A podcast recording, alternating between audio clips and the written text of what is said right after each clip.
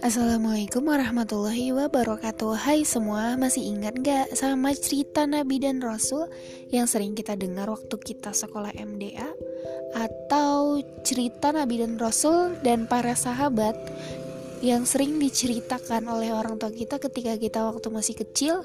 Nah, di sini saya akan mencoba menceritakan beberapa kisah inspiratif Yang sangat bermanfaat bagi kita tentang Nabi dan Rasul dan para sahabatnya. So, mari kita dengarkan ya.